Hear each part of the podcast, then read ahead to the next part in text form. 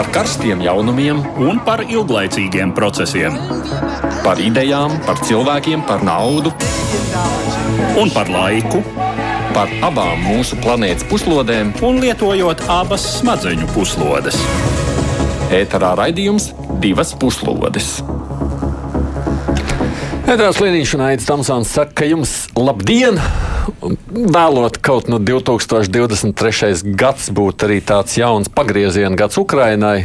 Tās uzvarā pār Krieviju un savas valsts teritoriālajā atjaunošanā ir skaidrs, ka mēs par Ukrainu šajā gadā runāsim visvairāk, bet, nu, protams, ka ne katru reizi.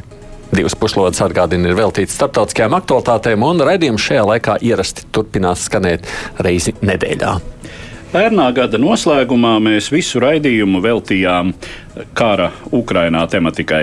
Tādēļ šodien palūkosimies citu valstu virzienā un faktiski sadalīsim raidījumu divās daļās. Pirmkārt, pievērsīsim uzmanību tam, kas notiek Arī Romas katoļu baznīcā un Vatikānā. Tātad vecgada dienā mūžībā devās iepriekšējais pāvests Benedikts 16. un viņa nāve vēlreiz arī pievērš skatu šai pasaulē mazākajai, bet nu, salīdzinoši ietekmīgajai valstī. Un otru raidījuma daļu veltīsim Grūzijai. Eiropas parlaments ir aicinājis ieviest sankcijas pret Grūzijas premjerministru un viņam pietuvinātiem cilvēkiem. Spriedzes pamatā ir bijušā prezidenta Mihaila Sākašvili atrašanās Grūzijas cietumā.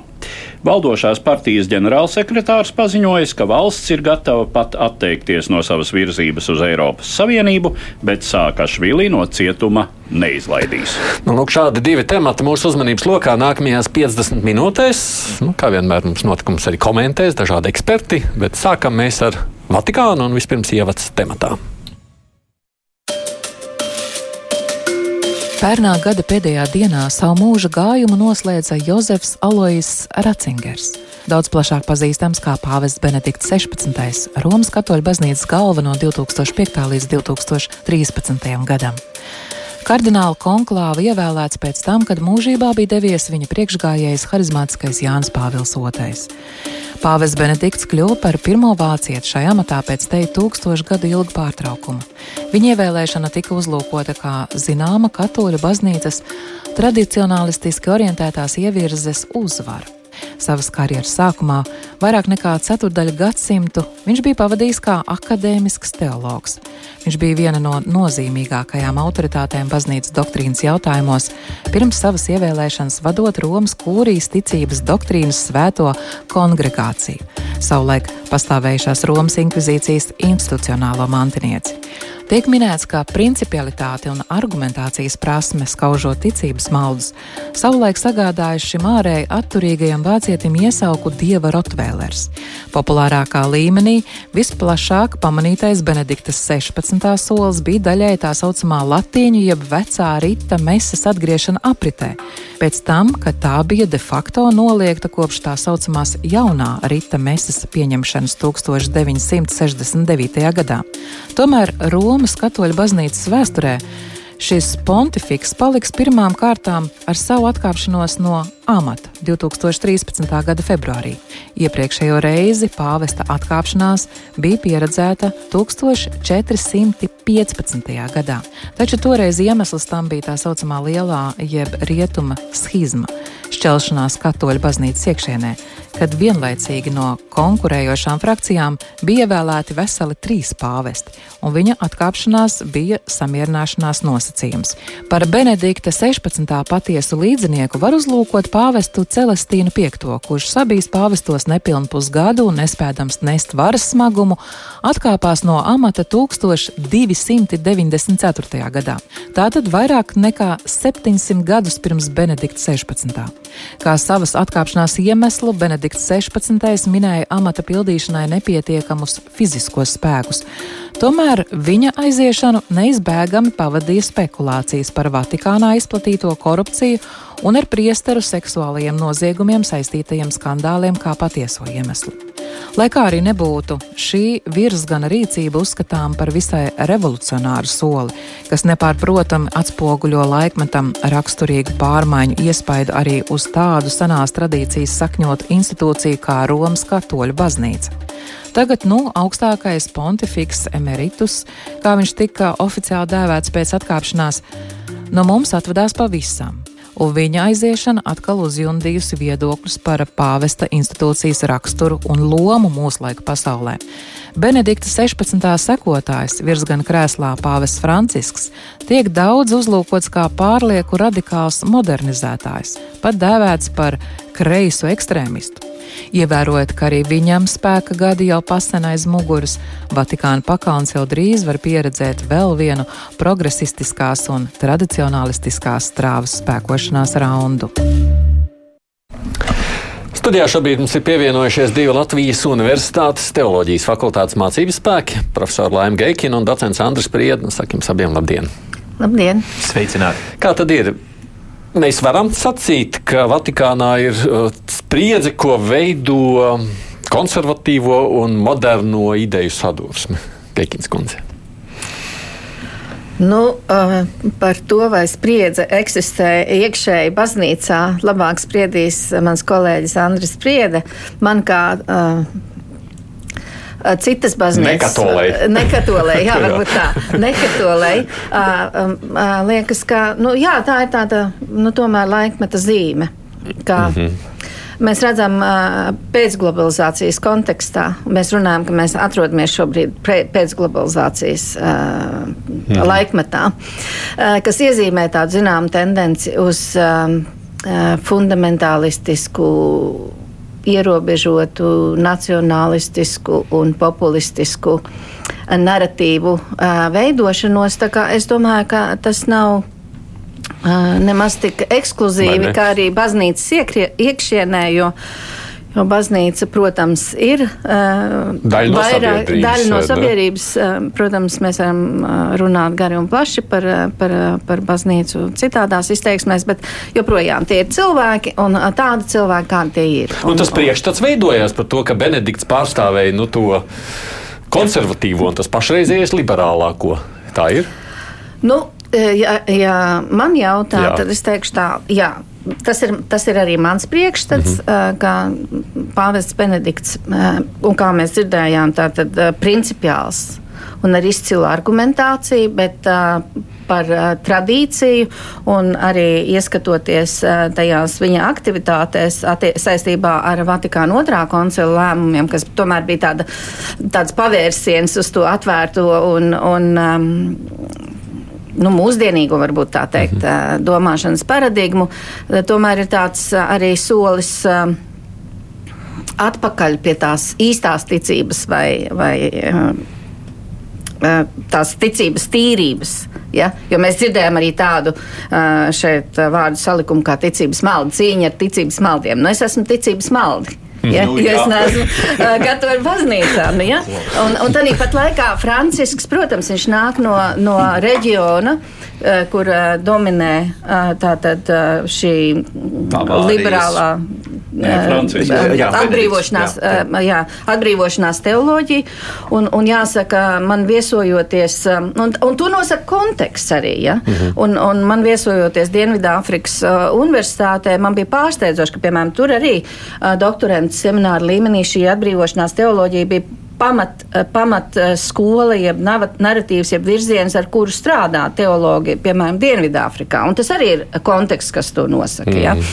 Tāpat laikā es esmu dzirdējis arī par Francisku eh, tādas kritikas, esmu lasījusi, ka, ka viņš savā narratīvā ir ļoti atvērts un. un Jā un uh, moderni un mūsdienīgi domājoši, bet tajā rīcībā tā rīcība netiek līdz tam narratīvam. nu tā, tā kā viss jau ir skatāms ļoti konkrēti un konkrētā kontekstā, Jā. kā mēs skatāmies. Ir tā spriedze, ja Prieckungs pārstāv katoļus. Tas nozīmē, ka arī var spriest par savu baznīcu. Nu, nu, klausies, es gribēju laimu divas reizes pārtraukt. Beidz, tu esi tik daudzus gadus nodzīvojis kopā ar Āriju Geikinu, kas bija super mums katolis, vai ne? Svēcēnieks gāja ar kājām svētceļojumos, brauca uz Romu, un ja tu varēji ar viņu sadzīvot, tas nozīmē, ka tev ir simpātijas uz katoļu baznīcu. Tātad tas ir, un tā, tas šis arguments. Piedod, Andri, es tev, es tev šeit pārtraukšu, jo, jo Ārijs bija pārliecināts katolis kopš 2000. gada līdz 2008. gadam. Tā, tā pagaidām, labi, viss beidzam ģimenes stāstu, bet runājot par spriedzi Vatikānā. Mēs varam projicēt ģimenes stāstu arī uz Vatikāna kongregācijām, mm -hmm. uz visu Vatikāna kūriju. Es nebūtu tik pārliecināts, ka te ir tik lielas ideoloģiskas, principiālas atšķirības, kā drīzāk personālijas. Bieži vien nu, normāla konjunktūra, kā jebkurā institūcijā, e, kurā ir jātaisa zināma karjera. Un gadu desmitos eh, cilvēks, kas varbūt ir sācis kā ultraliberālis, un tas ir lūk, tas gadījums par uh, mūsu Ratzingeru, kas tiek uzskatīts tieši par vienu otrā Vatikāna koncila ekspertiem, un uh, viņa darbība žurnālā um, koncīlijum. Nu, viņš gadu gaitā varbūt nostabilizējās tādās pozīcijas, kuras nesauksim par radikālu radikāli konservatīvām, bet, nu, teiksim, stabilizējošām. Nu, tas attiecas uz jebkuru Vatikāna ierēdni, kas eh, var mainīt savu viedokli no, teiksim, tāda liberālāka vai, kā mums patīk šodien teikt, progresīvāka uz mērenāku. Nē, es neteiktu, ka tā ir spriedze principiāli, bet varbūt sauksim to par paudžu maiņu. Un uh, apzīmējums progresīvs, liberāls, konservatīvs uz tādu institūciju kā baznīca, ne tikai uz katoļu baznīcu, bet arī Miļā Laimu uz tavu luterāņu baznīcu. Paskatīsimies, cik tur ir dažādu plūsmu un mm. strāvojumu. Nu, drīzāk jāsaka tā, ka jebkurā baznīcā aktuāls jautājums ir reformas.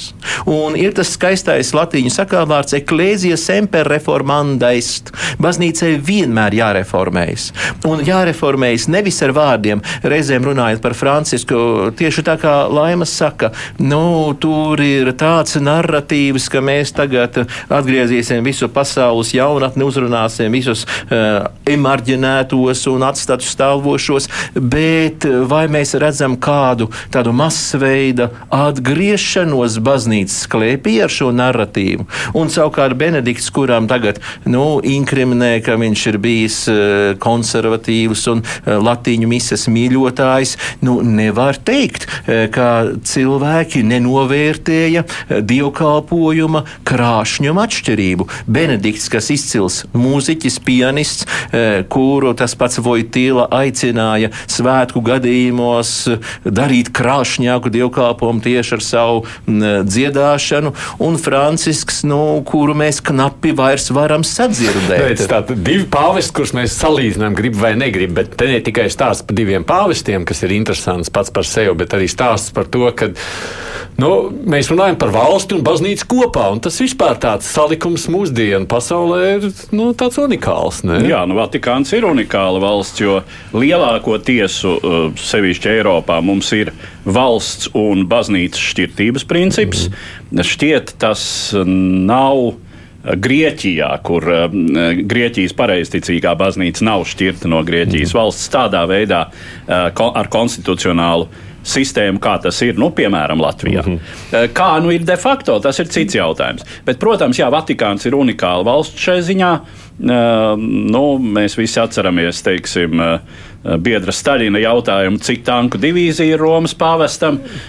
Jā, tā tad nu, valsts bez. Praktiski bez daudziem uh, mums ierastiem valsts attribūtiem, kas ir uh, militārais spēks, uh, kas ir liela teritorija, kas ir varbūt dažas normālai valstī piemītošas, nu, piemēram, piemēram, valstī dzimušu pilsoņu pastāvēšana mm -hmm. Vatikānā. Tā, tā ir, ka praktiski nav. nav. Pat, pat ja bērns nu, dzimst Vatikānā, tad viņš būt Vatikānā Šveices gvārdas virsniekiem. Virsniecēm. Jā, vai nu, virsniekiem. Jā. Virsniekiem ir ģimenes. Nu, teorētiski mēs varētu pieļaut, nu, ka jā. kāds bērns piedzimst. Lai gan visdrīzāk viņš tomēr Bet, nu, dzimtu, dzimtu Itālijas teritorijā un tad varētu pretendēt. Nu, jā. Bet, un, un, un, visu to ietekmīga tomēr. Bet tajā, tajā pat laikā, jā, protams, institūcija, kas, kas pārstāv tā vai citādi visus pasaules katoļus. Un līdz ar to nu, teiksim, pāvesta paustais narratīvs mhm. ietekmē diezgan tieši mm, visas tās sabiedrības valstis, kurās ir nozīmīga, kas ir teiksim, izteikti katoliskas, kā tā, kāda ir piemēram Polija, Īrija, Lietuva. Vai daļēji ar lielu katoļu klātbūtni, kāda ir Latvija.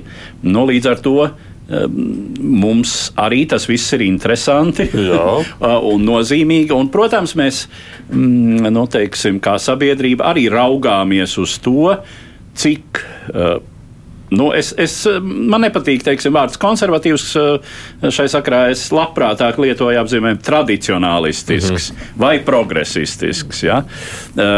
Jo nu, tas, kā tas notiek baznīcā, ir eh, tomēr zināms piemērs eh, attiecīgajai sabiedrības daļai, arī tad transponējot uz valsti. valsti. Bet mēs jau redzam, ka nu, sabiedrībā tas rada spriedzi. Es vadu raidījumu, es jūtu vēstulēs reakcijā uz to, ko man ļaudis saka, kurā brīdī atkarībā no kā es reaģēju Un tur jau, protams, uzreiz piemet, tu taču kristietis esi vai ne, apmēram tā, vai ne? Kā tu tā vari atļauties kaut ko sacīt vai nesīt? Tā spriedze eksistē. Nu, kā tad viņi nebūs baznīcā? Viņi ir baznīcā, viņi nevar nebūt baznīcā pēc idejas. Līdz ar to viņi ir iekšā. Jā. Nu, jā, visur, un, un politikā, ir, ir. Arī, tiešām ir konkrēti izpaudumi, nu, minot piemēru ar viens no lielākajiem pāvesta Franciska nodarījumiem, teiksim, pret tādu konservatīvo katoļu, redz pats lietoju, eh, izjūtu, eh, ka, vie, ka vienā konkrētā gadījumā eh, viņš ir atļāvies dievkalpojuma laikā vienā no Romas baznīcām izvietot tādus tēlus, kas ir atvesti no Dienvidamerikas, no Amazonas baseina, kas ir tādi sinkrētiski mm -hmm. indiāņu tēli, eh, ka, kuros ir apvienotas jaunavas Marijas un uh, vietējās reliģijas, cilšu reliģijas jā. auglības dievietes.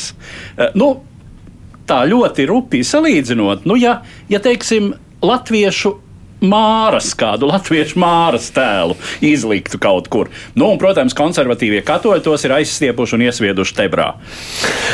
bet, bet skatoties uz šo visu, ir tā, ka sabiedrība tā kā spiež kļūt arī baznīcai, arī katoļu baznīcai atvērtākai. Tas spiediens.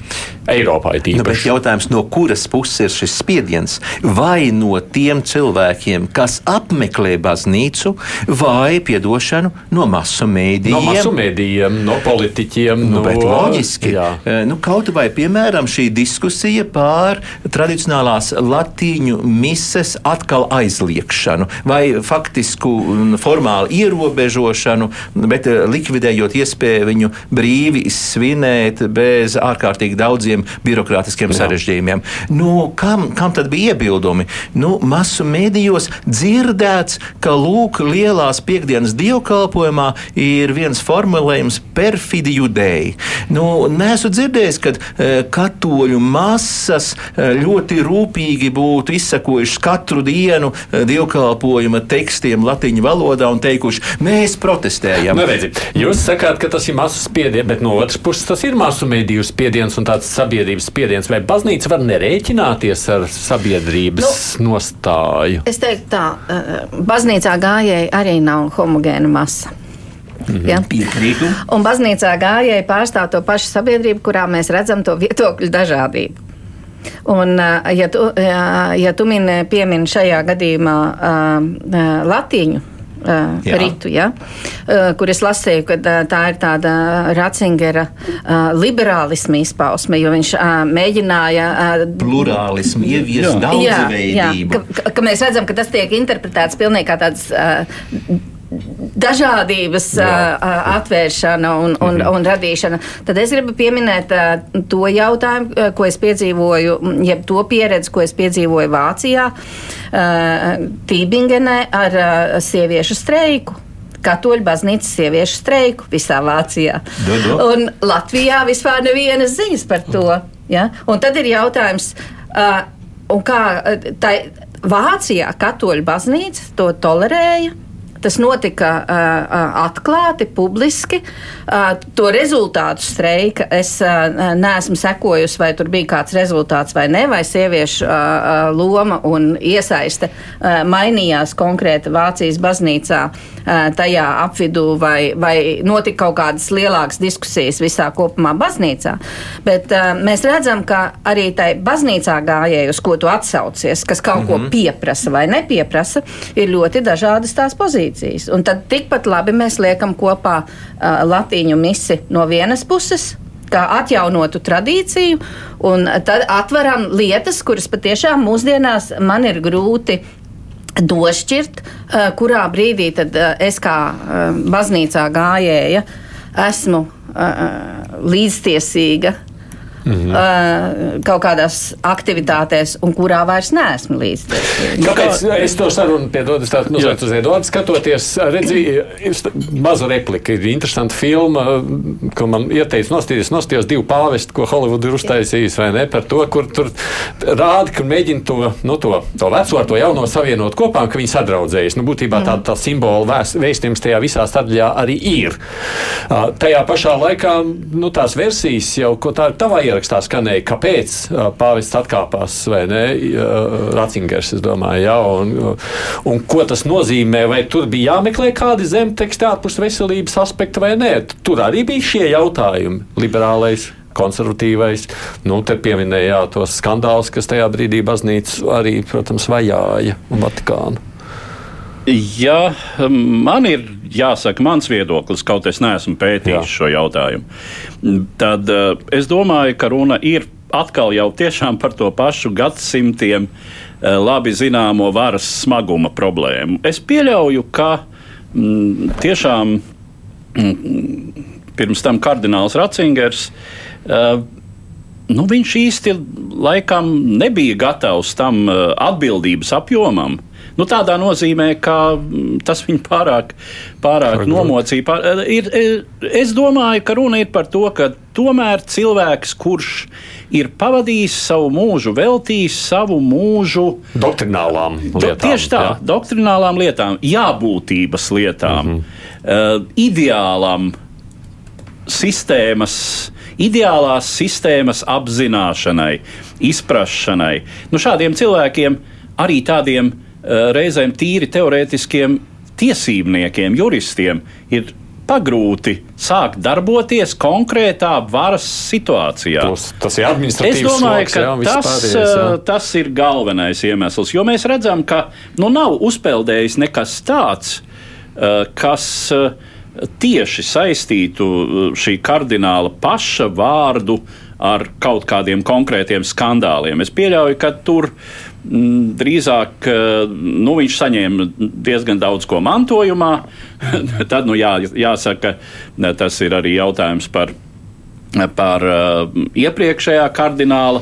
Uh, ar ārkārtīgi lielu autoritāti, Jā. arī vēsturiski mums zināmā Jāņa Pāvila otrā uh, varas teiksim, stiprajām un vājajām pusēm.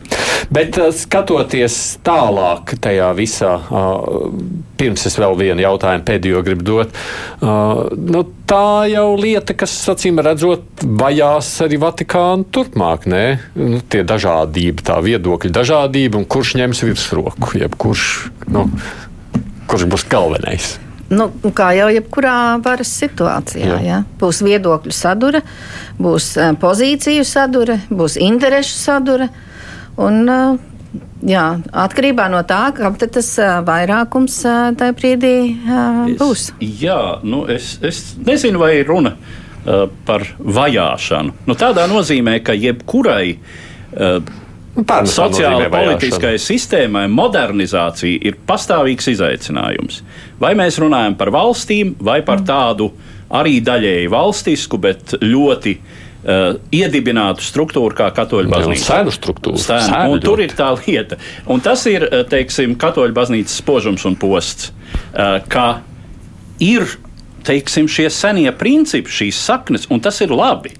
Ja institūcija ir tik dziļi Jā. pamati, ar kuriem samēroties, tik iestrādātas vērtību skalas.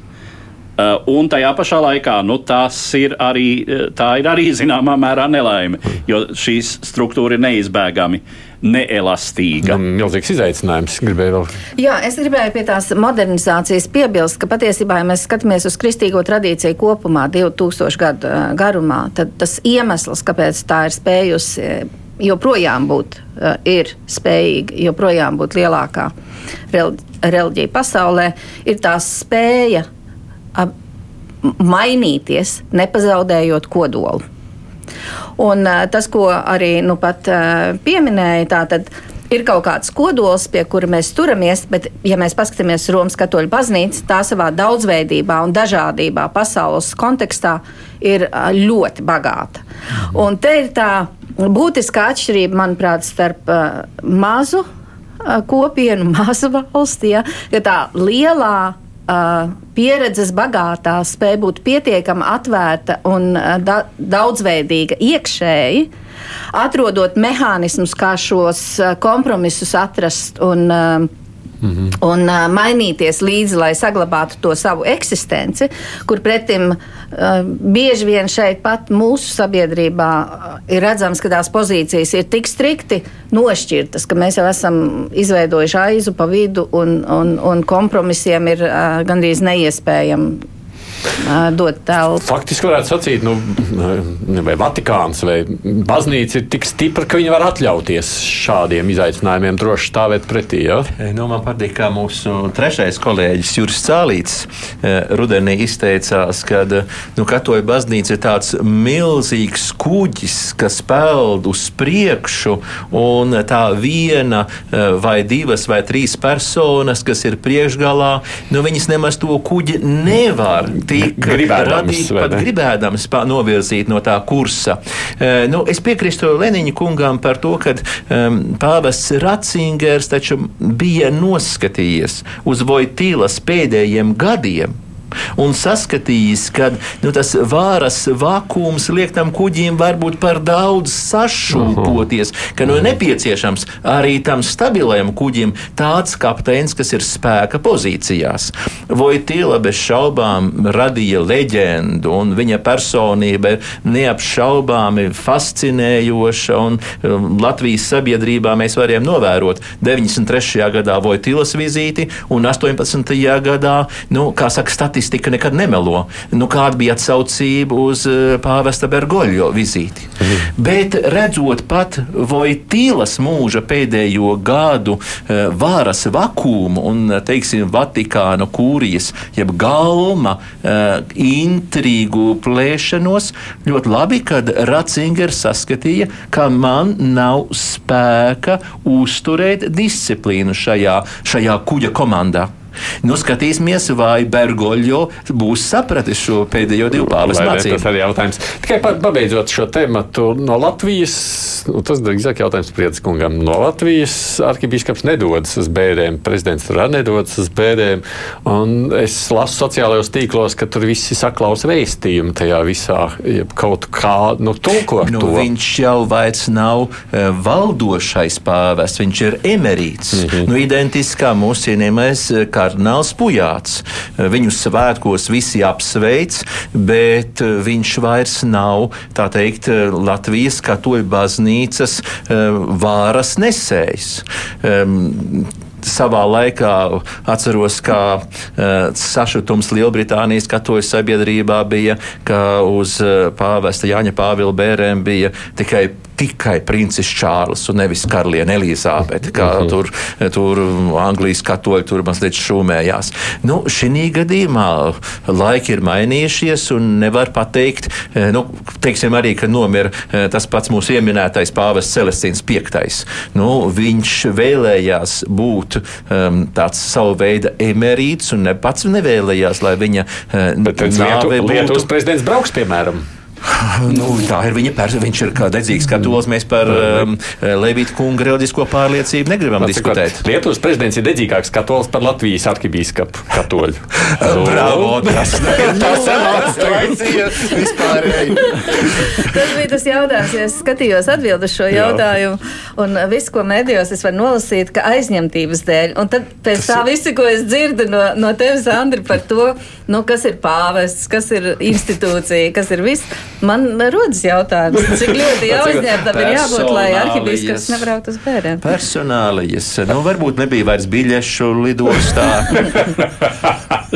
Toties aizbrauca jau vakar, aizlidojam.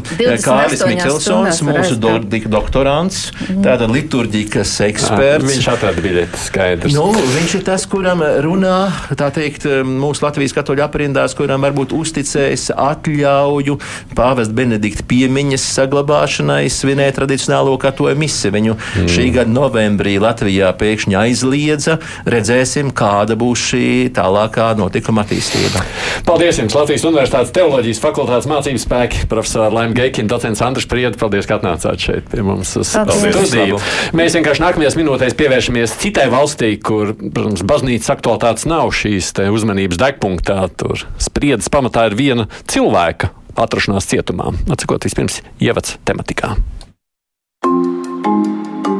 Šodien daudz vietā Eiropā un citur pasaulē pie Gruzijas vēstniecībām pulcēsies protestētāji, pieprasot Bilisī valdībai atvieglot ieslodzītā eksprezidenta Mihaila Sākašvili likteni. Bijušais Gruzijas prezidents atrodas apcietinājumā kopš 2021. gada oktobra, kad atgriezās dzimtenē pēc apmēram septiņu gadu ilgas trimdas, cerot uz viņa partijas apvienotā nacionālā kustība uzvaru pašvaldību vēlēšanās un plašu tautas atbalstu, kas neļautu varai īstenot viņam aizmuguriski piespriesto sešu gadu cietumsodu. Šīs cerības nepiepildījās. Cietumā Sākašvili uzsāka bada streiku, kuru pārtrauc pēc tam, kad varas iestādes piekrita viņu ievietot slimnīcā. Tomēr Sākašvili veselības stāvoklis šī gada laikā turpināja strauji pasliktināties, un novembrī parādījās ziņas, ka iespējams nopietni apdraudēta pat viņa dzīvība. Matu un nagu paraugos, kas tika iegūti pirms pāris nedēļām, kad Sakašvili apmeklēja viņa amerikāņu advokāts Massimo D'Angelo, esot konstatēts arsens un dzīvesudrabs, un pastāv aizdomas, ka cietumā viņš varētu būt mērķtiecīgi saindēts. Eksprezidents strauji zaudē svaru, un, kā liecina nesenākie video ieraksti, vairs nespēja arī normāli paiet. 14. decembrī Eiroparlaments pieņēma rezolūciju, aicinot Gruzijas varas iestādes atbrīvot Mihālu Sakašvili, lai viņš varētu doties ārstēties ārzemēs. Tā vietā, kā ziņots, ieslodzītais 29. decembrī pārvietots no civilās slimnīcas, kur tika turēts līdz tam, uz kara hospitāli. Mihāls Sākašvili kļuva par Gruzijas prezidentu 2004. gada janvārī pēc tam, kad tā saucamā roža revolūcija bija piespiedusi atkāpties no amata viņa priekšgājēju, kādreizējo padomu Savienības ārlietu ministru Eduardu Ševardnādzi.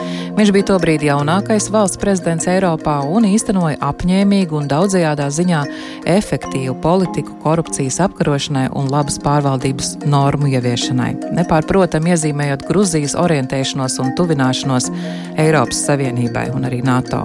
Gan viņa nākšana pie varas, gan prorietumnieciskā orientācija padarīja Sākašvili ļoti nepatīkamu Vladimiram Putinam.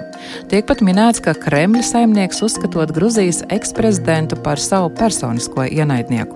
2008. gadā Krievijas federācija īstenoja militāru agresiju pret Gruziju, smagi iedragājot mazākās kaimiņu valsts aizsardzības spējas un atraujot no tās separātiskos Abhāzijas un Dienvidosetijas reģionus.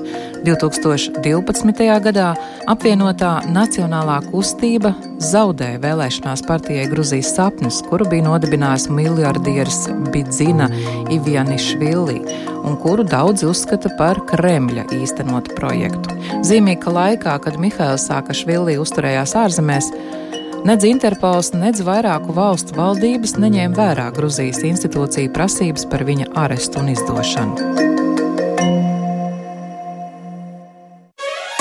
Divas puslodes! Šobrīd mūsu studijā pieslēgsies arī Eiropas parlamenta deputāte Inese Vaidere. Labdien, Vaiders kundze! Sveicināti! Tajā Edvards sagatavotajā tekstā arī tika pieminēta Eiropas parlamenta rezolūcija Ko tad Eiropas parlamentā saka par notiekošo Gruzijā? Nu, protams, ka mēs esam ļoti nobežījušies par situāciju Gruzijā. Uh, ar šo valsti es personīgi strādāju ļoti intensīvi jau kopš manas, varētu teikt, pirmās darba dienas 2004. gadā Eiropas parlamentā, kad uh, nu, mūsu tāds galvenais uzdevums bija uh, Gruziju tuvināt uh, Eiropas Savienībai un attālināt no Krievijas ietekmes. Un mēs darījām visu iespējamo deputāti, kas, kas bija interesēti Gruzijā. Nu, pašlaik mums ir, mums še, um, pērnā gada laikā ir pieņemtas varbūt teiksim, tādas divas svarīgas nostājas rezolūcijas. Jau jūlijā mēs atzīmējām to, ka Gruzijā ļoti pasliktinās preses brīvība. Uh, kā tiek faktiski vajāta brīvā prese. Un tagad, nu pat decembrī, mēs pieņēmām rezolūciju par Grūzijas un Eiropas Savienības asociācijas līgumu. Mums ir ļoti svarīgi, lai Grūzijā tiktu nostiprināta tiesu vara, lai apkarota korupcija, lai arī nu, mazinātos atkarība no Krievijas, jo Gruzijas sapņa neformālais līderis, kas kādreiz bija premjerministrs un ar ko es esmu tikusies personīgi, un es teikšu, ka tad pavisam viņš runāja savādāk, nu, lai mazinātu arī šo Krievijas ietekmi, mazinātu oligārhu ietekmi. Es varētu ļoti daudz stāstīt teiksim, par to, kā es redzu Ivanišvili lomu.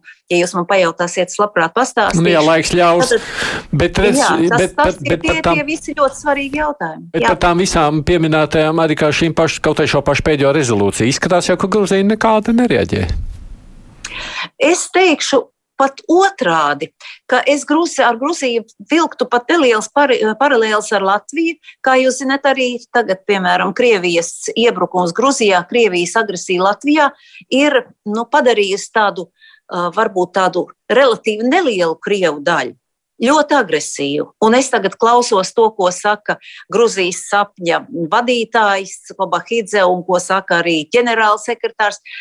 Man šī nostāja sāk jau mazliet atgādināt, nu, teiksim, savulaik Puķina to bravurīgo, to ļoti nepieklājīgo izturēšanos pret rietumiem, tur draudot slīcināt toaletē un tam līdzīgi. Šeit arī uh, uz mūsu prasību, ka ir jāatbrīvo Mihails Sakašvili, apmēram saka, nu, ja tas būs nosacījums.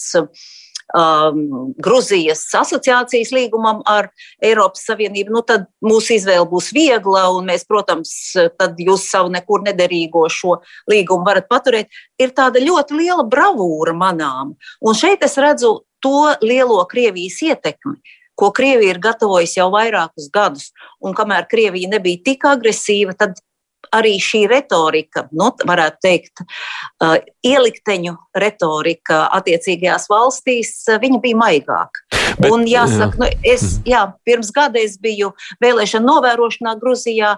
Uh, tauta patiešām 80% tas nav melots, atbalsta iestāju Eiropas Savienībā. Uh, Viņi vēlas tuvināties rietumiem, bet tas, kas notiek mēdī telpā, šī dezinformācija, nu, apmēram, ja ir laikā no februāra līdz jūlijam, ir bijušas negatīvas piezīmes no vadošās partijas puses tikai deviņas par karu Krievijā, par Krievijas lomu, bet vairāk kā 50 pret rietumiem un arī pret Ukrainu, nu, tas arī liecina šo ievirs un tas rada bažas mums.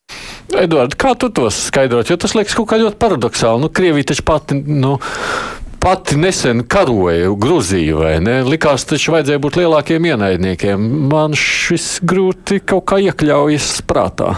Nu, tas, ko var lasīt par um, Grūzijas sapni, par šo politisko spēku, uh, tā ir tipiska varas partija, uh, kurai uh, visa ideoloģiskā platforma ir visai aptuvena. Un šobrīd šī partija un tās līderi īsteno kaut ko līdzīgu Janukoviča politikai. Mm ka neatsakoties principiāli no Eiropas Savienības virziena, šo virzienu deklaratīvi uzturot. Un tas pat ir teiksim, tās oficiāli pieņemtās deklarācijas, kas ir bijušas, nosaka nepārprotami jā, virzību, centienus. Līdz ar to nu, teiksim, tā sabiedrības. Modrība šai ziņā droši vien ir tikusi iemidzināta. Tā ir, teiksim, kompensēta, varbūt šīs šaubas ir kompensētas ar dažiem salīdzinoši sekmīgiem tādiem sociālo-ekonomiskiem soļiem. Un droši vien arī nu, tādu līderu pozu un, un varbūt savā, savā, savreiz harizmu. Uh, un, uh, līdz ar to nu, Grūzijas sabiedrība, uh, tas, ko šobrīd, tieši šobrīd, kopš agresijas pilna mēroga kara sākuma Ukrainā, nu, saka, ka tas, tā retorika ir apmēram tāda kamēr mēs esam pie varas, tātad Grūzijas sapnis, mēs ar Krieviju sarunāsim. Mm -hmm. Ja mūs padzīs, ja mēs aiziesim un nāks pie varas tie otrie, tad būs tas pats, kas Ukrainā. Tad Krievija bombardēs uh, mūsu pilsētas, uh, sāksies pret mums tāda pati agresija. Un eh, es pieļauju, nu, tā kā tā, tā Krievijas agresija toreiz, 2008. gadā, mazajai Grūzijai bija smags pārbaudījums.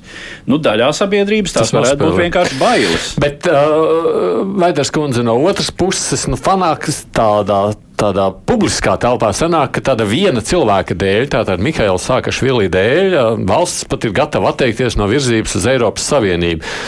Tas Sākašvili ir tik ļoti bīstams Grūzijas valdošajiem.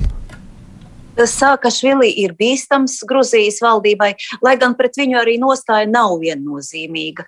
Um, tā kā es biju vēlēšana novērošanā pirms gada, es varēju izrunāties ar visādiem politiskiem spēkiem, ar dažādiem cilvēkiem. Un jāsaka, ka ir pietiekami daudz arī mm, Gruzijā cilvēku, kurām Sākašvili ir nodarījis pāri. Viņš mēģināja likvidēt korumpēto ierēģņu amatus, korumpēto policistu amatus. To mēs visi esam dzirdējuši, bet lielākā daļa tautas patiešām manuprāt, lielākā daļa atbalsta Mihālu Sakašvili. Viņu apcietināja burtiski dažas dienas pirms mūsu delegācijas ierašanās pagājušā gada oktobra beigās. Tas tika izdarīts, var teikt, tā visai meistarīgi, jo bija kaut kur kaut kā uzzinājuši, kā Sākašvili gatavojas ierasties Gruzijā, un drošības spēki vienkārši viņu bija, kā viņi paši teica, neutralizējuši un apcietinājuši, jo viņš bija cerējis sapulcināt cilvēkus un uzrunāt un atkal mēģināt nostāties tomēr vairāk uz valsts demokratizācijas un rietumu ceļa. Nu, tas toreiz neizdevās.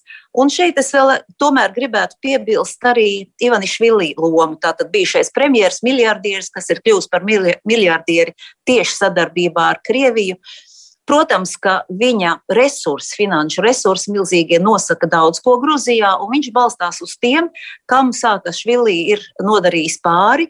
Nē, es neteiktu, ka Sākašvili atbrīvošana ir pats svarīgākais. Mums tomēr līdzās šim ļoti svarīgam jautājumam ir svarīgi, lai arī Gruzija nostātos uz rietumu ceļa. Es, starp citu, pirms Ziemassvētkiem uzrakstīju vēstules visiem tiem Grūzijas līderiem, ko es tikos pirms gada personīgi, gan prezidentei Zurabišvili, gan premjeram, arī Eiropas lietu komisijas vadītājiem Akai Bočurišvili par to, ka tiešām Gruzijā pieaug Staļina slavināšana, tiek celti jauni pieminekļi. Tas atkal parāda to retorikas līdzību ar Krieviju. Nu, tas ir tas, ko, ko mēs redzam Gruzijā. Un šie mm, ir jāsaprot arī Ivanišvili, viņam nav cita naudas iegūs resursa kā tikai Krievija. Un viņš turās pie Krievijas ar zobiem un nagiem. Un tiešām tas, ko arī Edvards minēja, arī par šīm bailēm. Es saprotu šo mazo tautu, Viņa nav liela tauta. Ka viņi ir tā, kā saka, viņi nav NATO, viņi nav Eiropas Savienībā, būtībā nav, kas viņus aizstāv.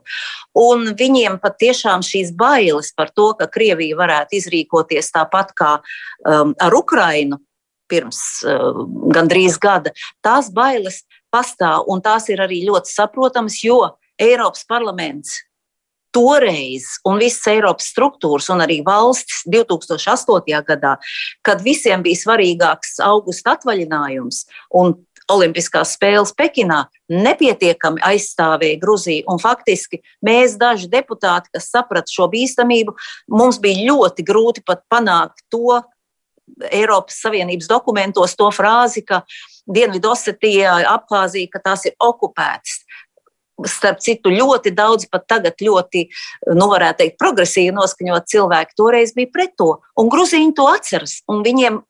Tiem cilvēkiem ir šīs bailes, un viņi īsti nezina, ko darīt. Tajā pašā laikā es izjūtu patiešām ārkārtīgi lielu interesi par šo asociācijas līgumu. Eh, no nu, tādās neoficiālās sarunās man ir bijušas daudzas neoficiālas sarunas un arī oficiālas sarunas ar Gruzijas vadību. Skaidrs, ka viņi grib, atskaitot varbūt Ivanišvili un vēl tādu oligarhu eh, kopiņu, viņi grib Eiropas uh, Savienību, un 80% tas nav samelots. Ja Krievijā 80% tomēr atbalsta Putinu, tad nu, es varētu lietot šo terminu, ka neraugoties uz milzīgo dezinformāciju pret rietumiem, nu, Gruzijas tauta nav tik aptaurēta. Aptaur. Es domāju, aptaurēta, mm -hmm. aptaurēta vārda tiešākā nozīmē tas ir ar propagandas līdzekļiem. Okay. Viņiem ir izdevies saglabāt uh, veselo saprātu. Es esam šobrīd arī sazvanījuši savukārt Leonardu Inkinu, kurš jau sen seko līdz sākašvili gaitām. Leonard, halo! Jā. Jā. Kāpēc Grūzijā tas Mihails Sakašvili rada tādas problēmas? Vai es drīkstu sākt savu sakāmo ar nopūtu. Jo es, protams, ieslēdzu nedaudz agrāk, un es paklausījos dažas minūtes, kas tur notika iepriekš un ko stāstīja Vaideres kundze. Un, nu, varbūt, ka manī arī kaut kas ir no Mihaila Sākašvili rakstura, bet man tas drusciņi tā kā, es pat teiktu, pat uzkurināja. Nu, saprotiet, Mihailis Sākašvildi tas nav tikai vārds un uzvārds. Tas ir karoks, tas ir domu gājiens, tas ir piemērs rīcībai, tas ir daudz kas plašāk un tas ir kaut kas ļoti bīstams daudziem. Ja tas jautājums ir, par ko šī saruna ir un kāds ir viņas nolūks, ko mēs tagad runājam. Ar Vai ko, tas ar... ir veids, kā jā. atļaujiet man pateikt mm -hmm. dažus teikumus, vienkārši, lai es izpaustu savas emocijas, es kā emocionāls cilvēks tomēr tāds esam. Vai tas nolūks ir interesants pa pavadīt laiku vai izdarīt kādus secinājumus? Un šo secinājumu rezultātā, nu, mainīt savu rīcību, mainīt savu uzvedību, mainīt savu attieksmi. Un kādus secinājumus tad mēs varam izdarīt? Nu, pirmais secinājums, un tas būtiskākais un svarīgākais ir tas, ka divas reizes vienā un tajā pašā upē ieiet nav iespējams. Tas, kas izdevās Mikrājiem Sākašvili, tas ir patiesībā brīnums un nesaudīgas ziedošanās rezultāts. Nesaudīgas ziedošanās. Un kad es klausos Vaideres kundzi, kura stāsta, ka viņa dara visu iespējamo, es teiktu, ka ne tuvu visu iespējamo, ne ļoti tuvu. Un Ja es vēl dzirdu, ka tā, ka švildi atbrīvošana nav galvenais, tad ir pats pats galvenais, jo bez tā, ka švildi atbrīvošanas nav iespējams nekāds ceļš nekādai Grūzijai, ne uz kurien, uz kurien mēs domājam. Tā, ka švildi visam ir pamatā. Tas iemesls, kāpēc viņš tik ļoti rada tādas problēmas pašā Grūzijas valdošajiem, tas ir stāsts par naudu, tas ir stāsts par varu, par ko tas ir runa? Tas ir stāsts par brīnumu. Tas, ko viņš izdarīja, tas patiesībā bija brīnums. Sakašvili nāca pie varas nedemokrātiskā veidā, bet no varas aizgāja demokrātiskā veidā. Tas ir lielisks piemērs, un viņš nav vienīgais pasaulē, kas tā ir rīkojies. Mihails Sakašvili, kad nāca pie varas, vajag iedomāties tā laika Grūziju, kas bija korupcijas, noziedzības un visur un netikumu pārņemta. Tā bija viena no nabadzīgākajām valstīm un reģioniem visā bijušajā padomju savienībā. Grūzijā bija vairāk nekā 340 likumīgo zagļu. Ja klausītāji zina, ko nozīmē likumīgais zaglis, kas tas ir, likumīgo zadļu vadītājs ar lidmašīnu ieradās Grūzijā, tad valsts premjeras brauca uz lidostu šo autoritāti sagaidīt. Tā cita bija briesmīga, kāda, kāda tur, tur, tur, tur bija. Un ko viņš darīja? Nu, piemēram, viņš atlaida pilnīgi visus ceļu policistus. Nešķiroja, kurš labi strādāja, kurš godīgi, kurš negodīgi. Pilnīgi visus. Un paņēma, varētu teikt, cilvēkus no ielas, kurus apmācīja un kuri sāka strādāt, un kur ne tikai uzturēja kārtību, bet jau vajadzēja arī kaķēnu no koka nolaid lejā. Policija nāca, policija kļuva autori, viņai autori, au, autoritāte radās. Un e, visas šī, šīs reformas, ko viņš, ko viņš veica, viņš jau neveica viņas viens. Viens Sakašvili to izdarīt nevar. Un piemērs, kas notika Ukrainā, kur arī viņš mēģināja atkārtot, iet, iet tajā pašā upē, neizdevās tieši šī iemesla dēļ, ka viņam nebija to palīgu, kas viņam palīdzēja tur. Viņš izlika policiju no telpām, un policijai uzcēla pilnīgi jaunas telpas, un telpām bija stikla sienas. Lai visi, jebkurš garām gājējs var apstāties un redzēt, kas notiek policijā. Tie ir tie simboli, tie ir tie darbi, no kuriem baidās tie, kas viņu tur cietumā. Tas, kas attiecās uz to, kāpēc viņš šobrīd ir ieslodzīts, man ir savas domas. Es domāju, nu, es esmu pat pārliecināts, ne tikai es tā domāju, bet es diez vai varēšu šajā ra raidījumā to visu pamatot un pierādīt un izskaidrot. Bet tas ir viens no Krievijas speciālo dienestu darbības rezultātiem. Viņu tur ievilināja, viņu piekrāpa, viņu izmantoja, izmantoja cilvēku vājības, cilvēku raksturu noslēdz, tas viss tika pētīts, un patiešām Puķins viņu neieredz. Un tā rezultātā viņš tur ir nokļuvis. Un šobrīd jau runa, jā, mēs sakam Sākašvildi, bet domājam ne tikai Grūzija, tas ir daudz plašāk. Piedodiet, okay. ka es aizrāvos. Nu jā, paldies, Leonārd. Leonārds Cinkins ar to skatu, tādu emocionālu skatu tajā visā, bet redziet, ar visu to, ko viņš izdarīja Grūzijā, un to jau laikam neviens tā īsti vēsturiski nenoliedz. Viņa ietekme, ko viņš izdarīja, vai ne, ir milzīga bijusi, vai ne, Grūzijas. Jā, protams, pārmaiņos. katrā ziņā tajā brīdī, kad viņš nāca pie varas, uz tik straujiem un salīdzinoši tiešām pozitīviem rezultātiem neviens necerēja. Jā, jā. Jā. Bet ar visu to redzi, nu, Grūzija ir tāda, kādā tā ir. Pilnībā tu nevari izmainīt visu sabiedrību. Nu, protams, ka tik ātri sabiedrību mainīt nevar.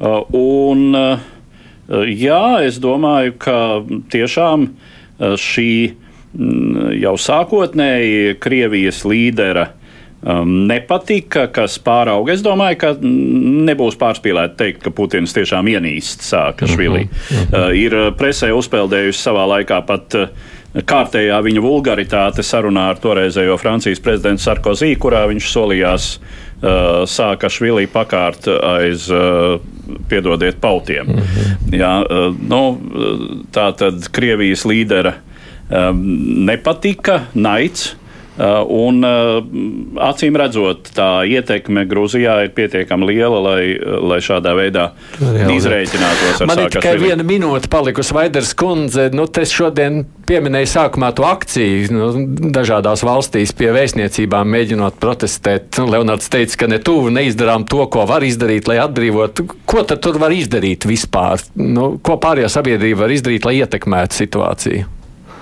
Jā, nu, ja ir uh, Inkina kungs tiek pieminēts, tad es viņam ieteiktu klausīties tomēr uzmanīgi, ko sarunu biedri saka, un pateikt, ka nekas nav izdarīts un ne tuvu nav izdarīts. Eiropas parlaments arī ar mani tai pašā personā mēs darām visu, kas ir mūsu spēkos. Mēs runājam ar diplomātiem, mēs runājam ar deputātiem, mēs dodamies uz Gruziju, mēs strādājam ar cilvēkiem.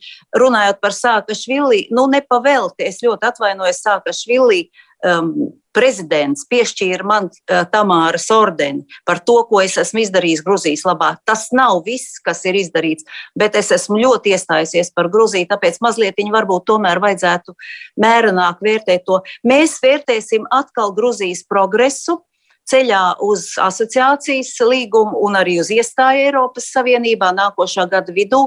Un, protams, ka prezidents Sākašvili atbrīvošana ir ļoti būtisks punkts. Bet tas, kā jau es uzsvēru, nav vienīgais Jā. punkts. Mums ir arī citi, gan tiesu sistēma, gan korupcijas novēršana, mediju brīvība. Mēs Viss strādāsim pārējais, visos virzienos. Eiropas parlamenta deputāte Inese Vaidere, paldies par piedalīšanos raidījumā. Tāpat, tās, protams, paldies arī Edvardam Liniņam par Paldies. raidījumu veidošanu. Šeit bija arī studijais Aits Tamsons, nu, producēja mūsu sevi junām. Eita laiks šodien ir beidzies, bet, kā redzams, runāt kā vienmēr ir par ko tiekamies pēc nedēļas, skatīsimies, kā situācija mainās.